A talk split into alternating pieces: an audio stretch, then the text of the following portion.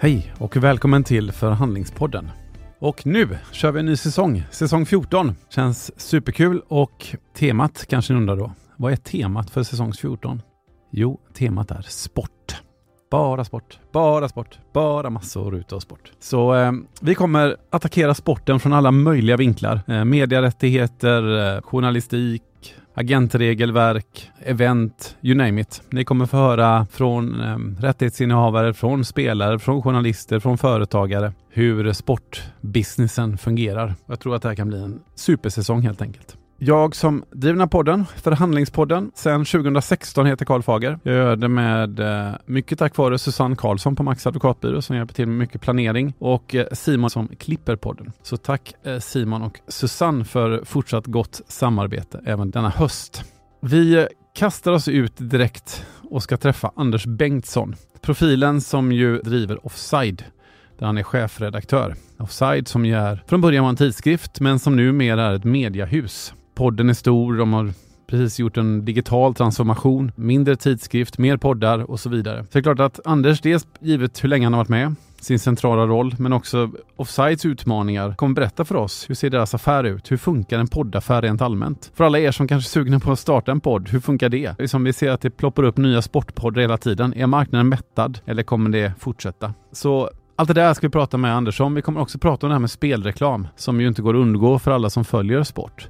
Det svämmar över. Offside tog ett beslut för fem år sedan att tacka nej till spelreklam. Vad innebar det beslutet? Var det rätt? Ångrar han sig? Eh, och vad ser han för framtid kring spel och sport? Så med detta sagt, med stolthet och eh, tillförsikt så hälsar jag er välkomna till säsong 14 av Förhandlingspodden Tema Sport. Nu kör vi!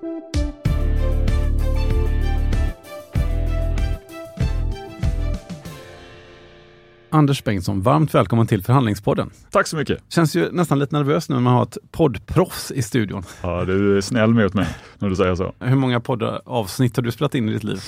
Jag vet inte. Alltså, första gången som jag spelade in en podcast, det var ju tillsammans med min kollega Johan Orenius då. Och det var 2014. Och vi har ju kört i princip varje onsdag sedan 2014, så där är vi ju snart uppe i tio år. Sen med åren så har vi ju också utvecklat liksom Offsides podcast och gjort lite avknoppningar på den. Och vi har ju idag så har vi kan man säga tre riktiga poddar eh, som vi gör mer eller mindre varje vecka. Sen har vi ytterligare en typ av podcast som vi kallar för Offside Story där vi läser in våra reportage som vi gör då i Offside. Så det är ju mer inläsare och det kanske inte riktigt är min grej. Jag tror inte att stora bokförlagen kom, kommer att kontakta mig för att jag ska läsa in en ny roman. Så duktig är jag inte på det.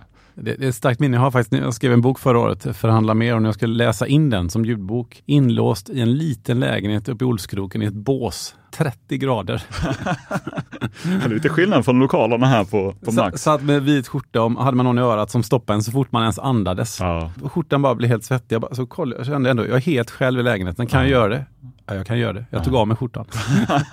ja, det är faktiskt obehagligt. Men den som inte har läst in alltså en längre text sådär, det är plötsligt så bara fastnar man på några ord. Mm. Och sen så ska man kanske uttala sig att det är en dialog och sådär. Plötsligt så vet man inte hur man ska liksom, hur ställer man en fråga? Hur låter det naturligt? Mm. Man blir ju helt osäker på sig själv. Ja. Nej, men så att, det är en stor ära att ha dig här, att du eh, ta ett extra avsnitt här med mig. Och vi ska grottas ner lite i eh, sportmediavärlden. Där är du är liksom en stark profil. Och jag tänkte vi skulle börja lite med bara liksom ta vårt avstamp i Offside som företag. Vad ni har varit, vad ni är och vad ni kanske kan bli. Hur ser businessen ut om man säger? Liksom det finns lite olika ben i er verksamhet. Ja, precis. Alltså Offside grundades ju år 2000 och hela idén var av de som grundade magasinet att man skulle göra sportjournalistik, framförallt då fotbollsjournalistik, på ett nytt sätt. Låta det ta tid, de här långa reportagen framförallt, som inte var, alltså backar man bandet till 2000 så då fanns ju Sportbladet kom år 2000 och Svenska fans lanserades år 2000. Men det fanns ju inte det här långsamma berättandet och Mattias Göransson och Tobias René som grundade Offside, de ville ju liksom, de tittade tillbaka på den här amerikanska reportagejournalistiken som liksom slog igenom på 60-talet kanske. Och det gick ju bra i väldigt många år. Jag mm. började år 2006 på Offside som praktikant efter att jag hade pluggat i Australien. Då var det ju så att allting gick kanon. Annonsaffären såg fin ut. Vi hade spelbolag på den tiden.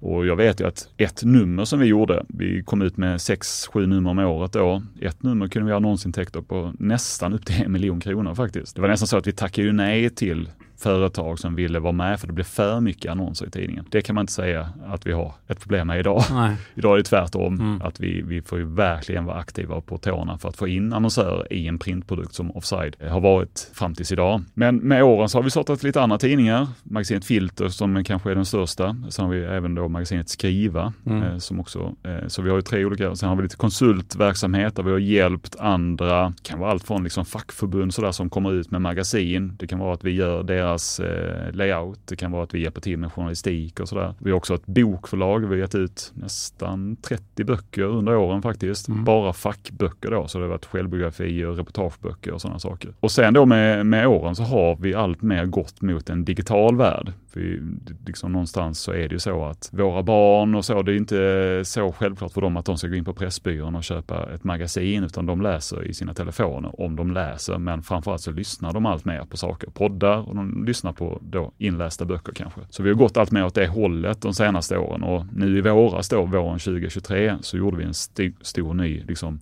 omtagning av Offsides värld där vi faktiskt gick från att vi har gjort sex nummer om året där fysiska magasinet har varit liksom vår huvudprodukt och stått egentligen för kanske 90 procent av våra intäkter till att vi gick ner till fyra nummer om året för att vi skulle köpa oss lite tid mellan våra nummer för att vi skulle kunna göra andra saker då som till exempel poddar och så. Där vi känner att det så finns det ett helt annat intresse av de stora bolagen att vara med som sponsorer, alltså som annonsörer i ljudformatet. Mm. Så det är ju lite, väldigt kort summerat så kan man säga ungefär så Offsides värld ser ut idag. Okej, okay, så förlag, tidskrifter, poddar, eh, och event va? Lite. Event har vi också haft. Vi har haft ett par stycken eh, som vi kallat för Offside Live. Jag och Johan i princip har hållit i, ska man säga, föreställningar mm. inför då publik. Eh, och vi skulle, vi har gjort det en gång och det var en succé faktiskt. Eh, bra ekonomisk affär också får man säga. Sen skulle vi gjort det precis då när pandemin kom. Mm. Så det var liksom två dagar innan vår premiär på Scalateatern i Stockholm. Så var det ju då liksom man började läsa, fan nu händer det grejer i Italien här och nu börjar folk bli sjuka här i Sverige och så.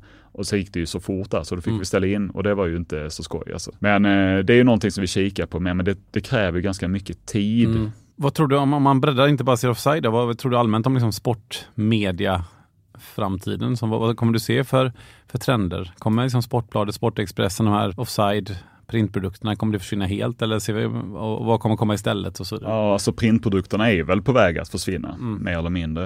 Eh, och det är ju alltid deppigt att se hur det är i vår bransch, alltså inom journalistiken i Sverige. Och det måste ju inte bara vara sporten, utan man skär ner mm. jämna mellanrum på redaktioner och, och varslar eh, folk och sådär. Så det är ju en jättetuff bransch. Men samtidigt så har jag alltid känt, så länge jag varit på offside, att det vi ändå gör, vår nisch, är någonting som inte så många andra gör. Just det här att vi tar fotbollen, ska inte säga att vi tar den mer på allvar än vad dagstidningar eller nyhetsredaktioner har gjort. Men vi berättar om fotbollen på ett annat sätt. Vi är ju inte rubriksletande eller liksom att vi vill avslöja saker. Det är inte först och främst det som vi vill göra, utan vi vill berätta om saker som händer. Det kan vara en stor nyhet, men att vi försöker hitta ingångar i den nyheten som ingen annan riktigt har tänkt på. Så där, berätta liksom bakgrunden till någonting som leder fram till att det blir en nyhet, eller vad som händer efter att nyheten har exploderat okej, vad händer sen med de här människorna, deras liksom, personliga öden och så. Så vi, vi tror att vi har ändå en hyfsad framtid. Men generellt så är det ju vråltufft, för att det är också så här, fotbollen då som jag jobbar med, det är ju sånt otroligt flöde i det. Dels är det ju Uefa och Fifa som har bidragit till att det är hela tiden mer matcher, mer kupper och man lägger liksom mästerskap i diktaturer och sådana saker. Men det är också så att det finns i sociala medier, så det finns så många, jag minns 2006 en gång när jag började på, så vi hade kunnat skriva ett reportage om någon klubb i Kroatien som var otroligt duktig på att utveckla talanger till exempel och förädla talanger och sälja dem till storklubbarna. Och det var ingen som hade hört talas om den här klubben. Idag så sitter det ju någon som har en blogg bara om den här klubben mm. i princip. Så att det har blivit så himla nördigt och alla vet allt om allt i, i fotbollen hela tiden. Mm. Så gör att det är svårt för oss att vara helt unika med stories idag. Mm. Utan än en gång så måste vi försöka hitta ingångsvinklar i berättelser som kanske folk känner till, men berättade på ett annat sätt. Vad tror du allmänt om framtiden för sportmedia? Vi ser att Viaplay sliter, svenska fans går väl sådär. Ja, redan poddar som det skrivs om att de tjänar mycket pengar ungefär, men vad, vad, kommer, vad ser du runt hörnet? Vad är det vi inte ser idag som vi kommer se? Ja, alltså det som man ser allt mer idag, det är ju att fotbollsklubbar, även liksom i, i Sverige, i mm. allsvenskan och så, att de börjar producera eget material allt oftare man kan skapa ett konto så betalar man 59 spänn, 79 spänn i månaden så får man tillgång till deras spelare. Om man är AIK alltså, så är det så att då gör de egen content, vilket också gör att de stänger ute lite grann journalister som vill vara objektiva, som vill kunna ställa lite mer kritiska frågor. Och det är ju inte en eh, toppenutveckling om man, om man ser det så. IFK Göteborg är likadana på många mm. sätt så att de vill kontrollera och de vill också kapitalisera på vad de har. De har tillgång till sina spelare och stjärnorna som folk vill läsa om. Och det är någonting som jag tror vi kommer att se ännu mer av. De ser att här kan vi tjäna lite pengar plus att de kan kontrollera. Liksom att flödet. klubbarna bygger sina egna mediehus. Precis är lite engagerad i Forza där, så jag har viss insyn och vet också att en annan idé bakom det är att det, om, om, du inte gör det så kanske det är YouTube och Instagram som tjänar pengar. Precis. Nej, men så är det. Och, och i det perspektivet kanske det är bra att klubbarna får tjäna pengar på sina egna rättigheter. Precis. Och men, men klart, om det går ut över den journalistiska integritet och så vidare så kanske det kan diskuteras. Absolut. Nej, men så är det. Och sen så är det ju också så att just det här som du var inne på med sociala medier, så fotbollsspelare har ju ibland när vi hör av oss till och vi säger att nu vill vi skriva ett porträtt av dig. Mm och det kommer kräva att vi kanske hänger med dig i några dagar och säger att vi ska åka till Aten för att träffa svensk fotbollsproffs mm. där. Förr i tiden så var det, ja men fan vad kul och så. Mm. Men nu så är det mer så respons, ja men varför då liksom? Jag har ju mitt Instagramkonto och min fru har också ett Instagramkonto. Varför ska vi släppa in någon i vårt hem? Och jag kan förstå det. Mm. Men de har sina egna kanaler där de känner att det är jag som är avsändare här, det är jag som kontrollerar allting. Mm. Åker jag ner till Aten och så skriver om ett svenskt fotbollsproffs så vet de inte riktigt var den texten landar, vilket gör att de också blockar lite grann. Men för att svara på det här med Viaplay och så, här, alltså de stora bolagen som, som har under åren tjänat bra med pengar så är det ju så att nu är det ju liksom givetvis de tiderna vi lever i med oroligheter och så, så man vet ju inte riktigt vad som kommer hända. Eh, jag önskar att jag hade kunnat eh, veta det, men det är ju så att de blöder ju rejält och någonstans så har ju fotbollsbranschen, fotbollsmarknaden, den har ju varit liksom, det har varit gått inflation i mm. den i många, många år och värderingen av den, vad det kostar att köpa rättigheter för att sända Premier League-matcher, den har varit helt absurd faktiskt. Så någonstans så kanske det är så, precis som det är kanske med villapriser mm. eller lägenhetspriser, att någonstans så kanske det börjar förhoppningsvis ändå planas ut lite grann, att man börjar sätta rätt värde på rätt produkt. Någonstans. En sund tillnyktring av uh, Kanske, fast det är ju alltid trist när det drabbar människor som har anställningar och så givetvis. Mm. Och det där med intressant som du säger att spelare inte vill ställa upp för man pratar om att bygga varumärke och sådär. Hur bra bygger man ett varumärke på en, på en Instagram-kanal? Blir det inte ganska slätstruket egentligen? Det kan man tycka. Ja. Då blir man ju egentligen ersättningsbar av en AI-avatar AI egentligen. Ja men lite så är det ju. det är ju. Sen så får man ju säga, sen är det ju så alltså i poddvärlden så det jag menar, du har ju gamla klienter till dig som har startat en väldigt populär podcast, mm. Hunden, katten, glassen då. Eh, Värmblom, Bjärsmyr och Hussein. Och det är ju någonting som ändå piggar upp tycker jag. Mm. Alltså det är ju liksom, de är inte journalister först och främst. De har ju ingångsvärden och de har erfarenheter som gör att de kan skapa en helt unik produkt eh, som jag tror att vi kanske också kommer se mer av att fotbollsspelare, är man Victor Nilsson Lindelöf så har man inget behov av att kanske sitta och prata eh, med en kollega i Manchester United en gång i veckan eller två gånger i veckan och snacka ner Uniteds matcher eller Liverpools matcher. Men i en svensk kontext där man kanske funderar på ah, vad fan ska jag göra? Jag jobbar lite grann som fotbollstränare i en division 1-klubb och fan, jag tycker ändå det är kul och man kanske kan se lite vägar in i att man kanske skulle kunna få ett samtal från Discovery eller från Viaplay för att man skulle kunna bli, det kan vara rätt bra att känna på formatet, så här, hur, hur trivs jag med att sitta och prata och ha åsikter om ditten och datten hela tiden? Jag tänkte vi skulle prata just om poddar, mm. så det var bra att du bryggar över det. Man märker att du är proffs här. Ni startade 2014. Jag startade förhandlingsborden 2016. Ni var väldigt tidiga, jag var ganska tidig. Nu känns det som att det, ja, det som svampar i jorden. Om man bara börjar där, för det kanske finns lyssnare som tänker jag ska starta en podd. Sådär. Vad är nyckel, framgångsfaktorerna för att få igång en podd? Först och främst eh, hyfsat bra utrustning. Ha no någon som kan klippa. Eh, det tar ju sin lilla tid. Men sen är det ju också, tror jag, att man ska göra det som man själv tycker är kul. För att gör man någonting bara för att man tänker, oh, eventuellt kan jag tjäna lite pengar här. Då blir det, man, man pallar med det kanske i några månader eller något år. Tjänar man jättemycket pengar kan man orka med saker hur länge som helst, givetvis. Mm. Men först och främst ska man nog komma på, vad är det jag vill göra? Vad är det jag brinner för? Och vi bestämde oss ganska tidigt. Det fanns ju när vi startade vår podcast så var det ju så lite internt så, styrelsen på Offside sa, vad fan ska ni med podcast till liksom? Ska vi lägga tid på det?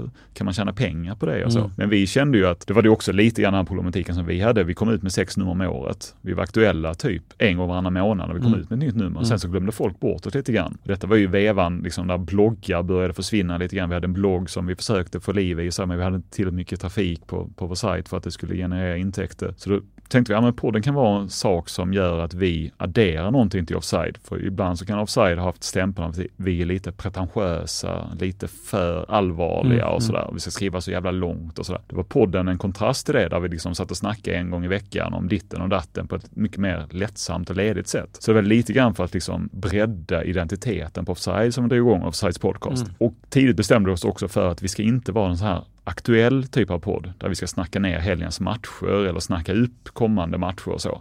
För det fanns det redan då ganska många som gjorde. Eh, utan vi är ju så att vi tillåter oss själva, har vi sett en dokumentär som inte alls har med fotboll att göra så försöker vi hitta någonting i den dokumentären kanske som man kan göra en liten övergång till fotbollen. Fan, hur ska man agera här?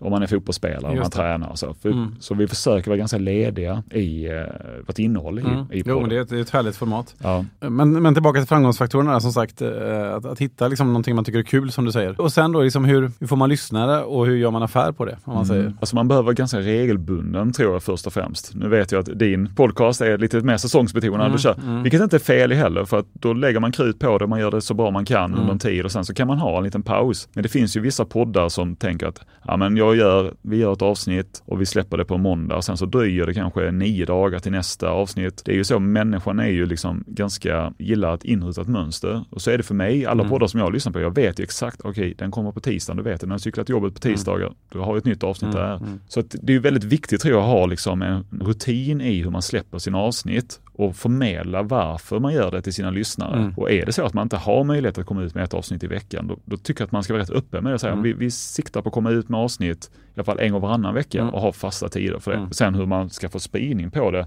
Ett tips är ju givetvis att ta med sig gäster. menar, det hade varit jättebra om vi alltid hade haft Olof Lund som mm. gäst. Mm. Han har supermånga följare. Och så fort han är med någonstans så är han alltid väldigt snabb på att lägga upp det på Instagram. Han har nu varit mm. med mm. i Offsides Det hjälper givetvis oss om vi har en ny produkt. Mm. Eh, så gäster är ju alltid någonting. Och vi har väl kanske haft fem gäster i våra 500 avsnitt. Så att jag, jag liksom lyssnar inte riktigt på mig själv. Så, eh, så gäster, regelbundenhet i hur man släpper sina avsnitt bra ljud och sen givetvis får man ha användning av sociala medier. Har man möjlighet att klippa ut, nu vet jag inte om du har möjlighet att klippa ut eh, 20 sekunder där jag är skitbra i den här, mm, i den här podden. Men få jobba hårt. klippa ut det, precis, klippa ja. ut det i sociala medier och mm. släppa mm. så man i alla fall teasar lite grann mm, om vad som händer. Och sen affären, det är ju ja, annonsintäkter då. Den här podden är har, inga, har inga intäkter eller ingen ambition att ha det. Men normalt sett man säljer annonser. Precis. Och ni har, sälj, ni har en säljavdelning? Typ vi har en säljavdelning ja. som äh, säljer för oss. Och det har ju varit under åren så har det varit så att allt fler stora poddbolag som är liksom distributör för poddar hör av sig till oss och vill sälja för oss. De upplever att vi kanske hade kunnat ha ännu fler annonsörer och sponsorer. Och det är ju någonting som vi kikar på givetvis mm. eh, allt mer för att någonstans så är det ju så som vi var inne på tidigare. Det är inte, vår bransch, journalistikbranschen i Sverige är ju inte så att den mår tipptopp så att vi behöver ju hela tiden mm. titta på nya sätt att få intäkter. Så de här spottarna som man kan ha, det mm. kallas spottar, där det är liksom förinspelade jinglar som olika mediebyråer så bidrar med. De bara skickar det till, mm. till den klippan som man har kanske. Så kan man få in och så får man lite slantar beroende på hur många det är som lyssnar. Mm. Vi har ju valt att inte ha det än så länge och det handlar lite grann om att vi har inte upplevt att det har varit så snyggt skött. Alltså man kan lyssna på många poddar och sen plötsligt mitt i en mening när jag sitter och mm. pratar mm. så kommer det bara, oh, mm. Volkswagen har en ny bil och så kommer det en jingel för det och sen så kommer man tillbaka mitt i en mening. Det finns ju ett hantverk i det, mm. precis som när vi skriver texter och, och publicerar magasin så vill vi att det ska vara liksom så felfritt och så snyggt som möjligt i hantverket. Och så vill jag också att det ska vara i poddar. Men nu bör, det har hänt så mycket de senaste, bara senaste 12 månaderna mm. i poddlandskapet. Så nu bör det också skötas ganska snyggt. Och sen så kan man också ha så att, som vi har haft i Offsides podcasten, starten, att jag och Johan, vi läser upp sponsormeddelanden. Mm. Och vi är ju inte Alex och Sigge om vi nu tar Volkswagen igen, nu får de gratis reklam här, Mm. men om vi säger att de är sponsrade av Volkswagen. Så i ett avsnitt så sitter Alex och Sigge och säger att fan Sigge, i helgen var jag ute och körde Volkswagens nya modeller. Helvete vilken jävla körupplevelse det var. Det är den Mm. grymmaste bilen jag har varit med om. Och sen nästa vecka så är det Volvo som är sponsor. Då sitter Sigge igen och säger Jävla "Fan, upplevelse." Vilken bil är den bästa? Alltså trovärdigheten i det är inte så stor. Nej. Men det de tar betalt för är ju att de gör content av sina Just sponsorer. Och där har jag och Johan till eh, våra eh, annonssäljare Stora för 3.1 varit väldigt, väldigt hårda. Vi är journalister först och främst. Vi kommer inte stå och säga att Volkswagen är grymma. Vi kan Ja. däremot säga att Volkswagen har en ny modell. De, här egenskaperna har den. Gå in och läs mer på Mm. Volkswagen. Vi är väldigt torra Mm. och på så sätt så har ju inte vi tjänat de pengarna som vi hade kunnat tjäna om vi hade varit mycket, mycket mer sälja. Men först och främst är vi journalister. Hur många lyssnare behöver man ha i veckan för att liksom det ska vara, bli, bli en affär? Men någonstans kanske över 10 000 Mm. ungefär. Mm. Och vi ligger mellan 15 och 20 000 lyssnare per vecka. Men någonstans över 10 000 tror jag. Att man, sen kan man ju då öka sin frekvens och komma ut med två, tre Mm. avsnitt i veckan. Om man nu, fan nu ska jag satsa på det här och försöka bli en poddare.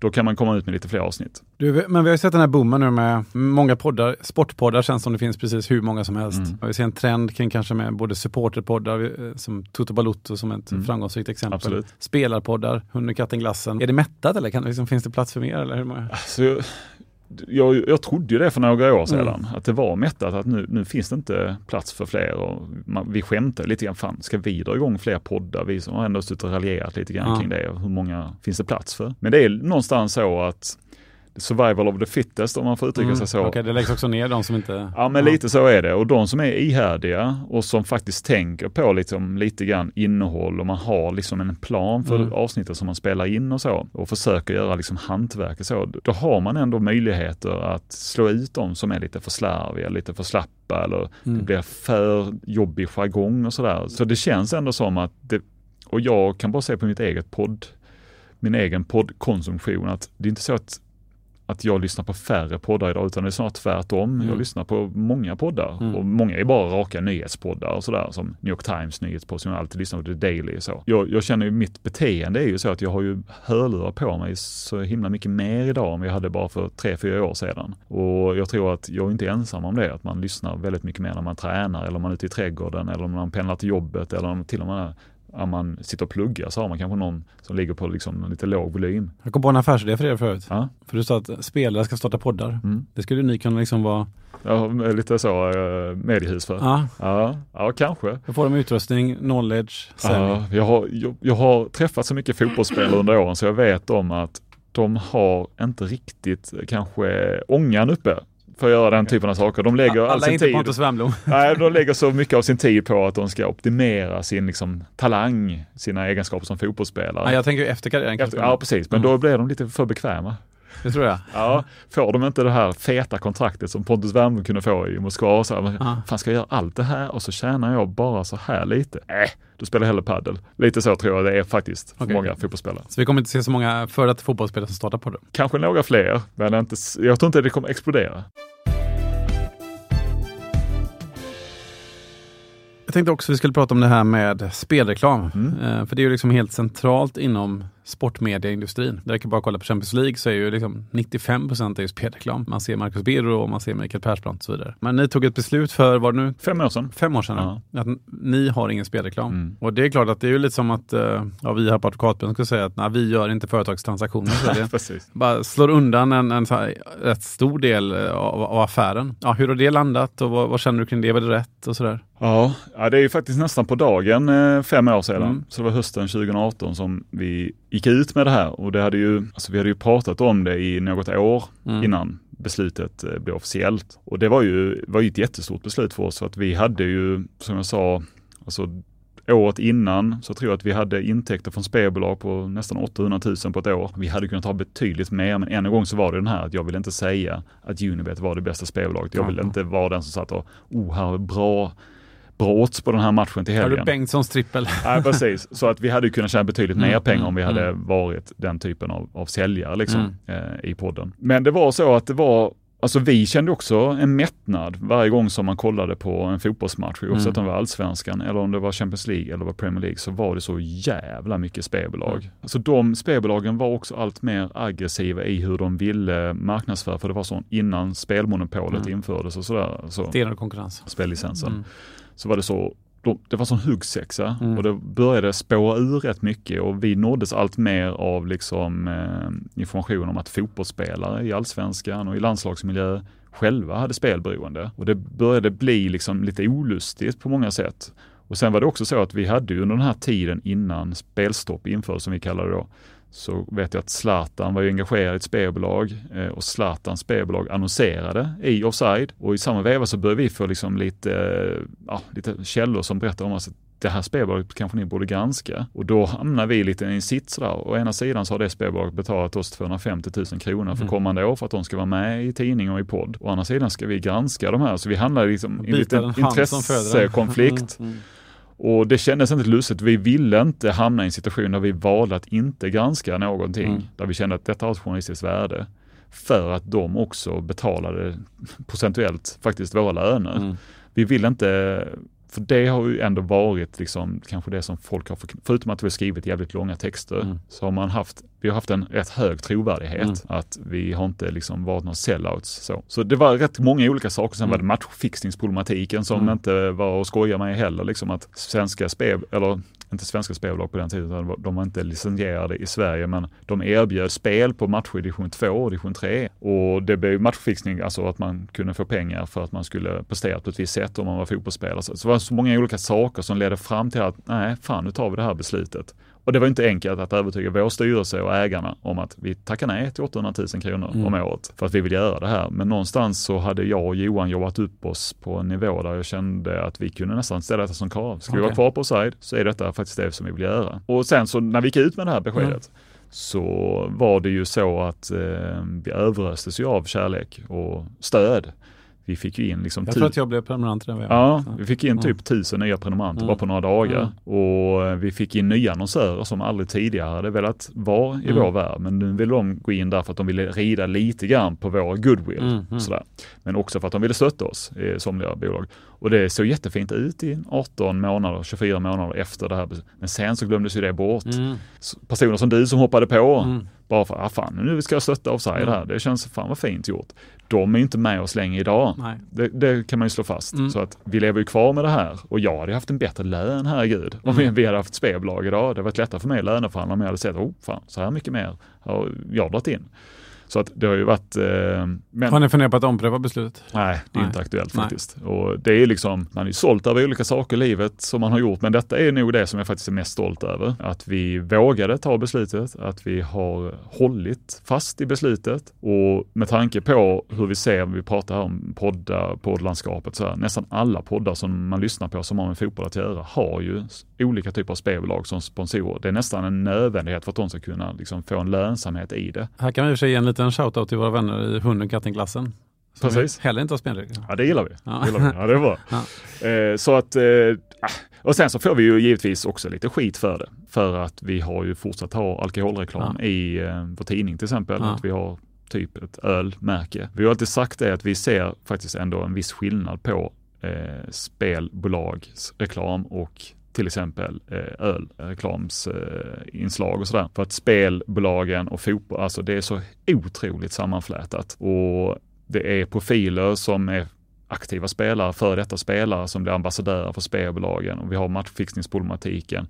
Visst, det finns alkoholmissbruk som kan kopplas till fotboll och sådär också, men det är inte på samma nivå. Vi, vi kan ändå skilja på och det är otroligt nu med Tony, det är ändå eh, en av Premier Leagues bästa anfallare. Mm. Eh, Tonali gick nu, väl ja, nu är det fler italienska spelare. Idag ut med att han har ett spelberoende. Jajamän, och det är, ja, alltså jag vet ju säkert ett dussintal svenska spelare som har haft eller är mitt inne i ett spelmusik. Mm. Som inte har berättat om det. Så att det är ett sånt otroligt mörkertal. Mm. Precis, för du gjorde ett reportage om detta. Ja, så du liksom fick en anledning att titta in i... Ja, framförallt då med Unibet som är liksom ja. den stora parten till svensk fotboll. Och det blir också lite så, lite talande tror jag, för det var ju ett, en granskning av Unibet där vissa saker faktiskt var helt nya. Hur de, för de har alltid marknadsfört sig som att de är spelbolaget som tar mest ansvar för sina kunder. De vill inte ha några intäkter från spelberoende. Sen när man börjar titta på det och man börjar prata med forskare som kan liksom dyka ner i deras siffror så inser man att rätt många procent av deras intäkter kommer givetvis från de som har eh, spelmissbruk. Mm. Och när man börjar titta på, så, sen publiceras det här reportaget och då, det är helt knäpptyst i branschen.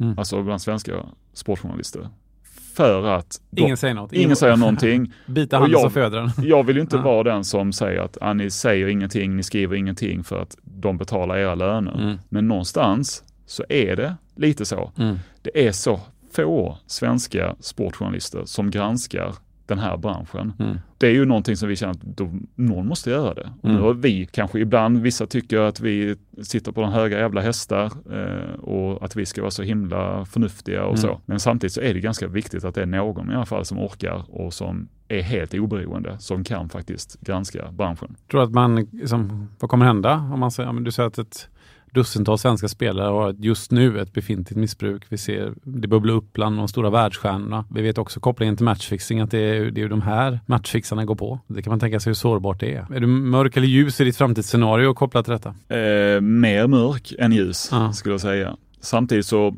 diskuteras det på ett helt annat sätt idag, spelmissbruk. Sådana saker. Man lär sig så himla mycket mer. Det är inte så stigmatiserat som det var för några år sedan. Och menar, Folkhälsomyndigheten också liksom klassar ju, precis som alkoholism, så, eh, så är spelmissbruk också klassat som en folksjukdom mm, idag. Mm. Liksom så. så det har ju hänt så otroligt mycket de senaste åren mm. och folk har ju blivit införstådda med hur spelbolagen faktiskt agerar på ett annat sätt idag. Just mm. att de uppmuntrar. Jag hade ju en berättelse i den här granskningen om, om en kille som var storkund på, på just på Unibet. Mm. Han var också på andra spelbolag, så det var inte bara Unibet, men hur de vet att han spelar bort han blir kriminell för att han ska få nya intäkter. Han börjar lura folk på pengar och de vet om det, men de får så mycket intäkter av den här typen av kunder så att de uppmuntrar honom att fortsätta hela tiden. Så de vill hålla kvar honom i ett mm. missbruk. Och det är inte bara Unibet som jobbar så här utan det är många andra. Och man kan säga så att det har hänt mycket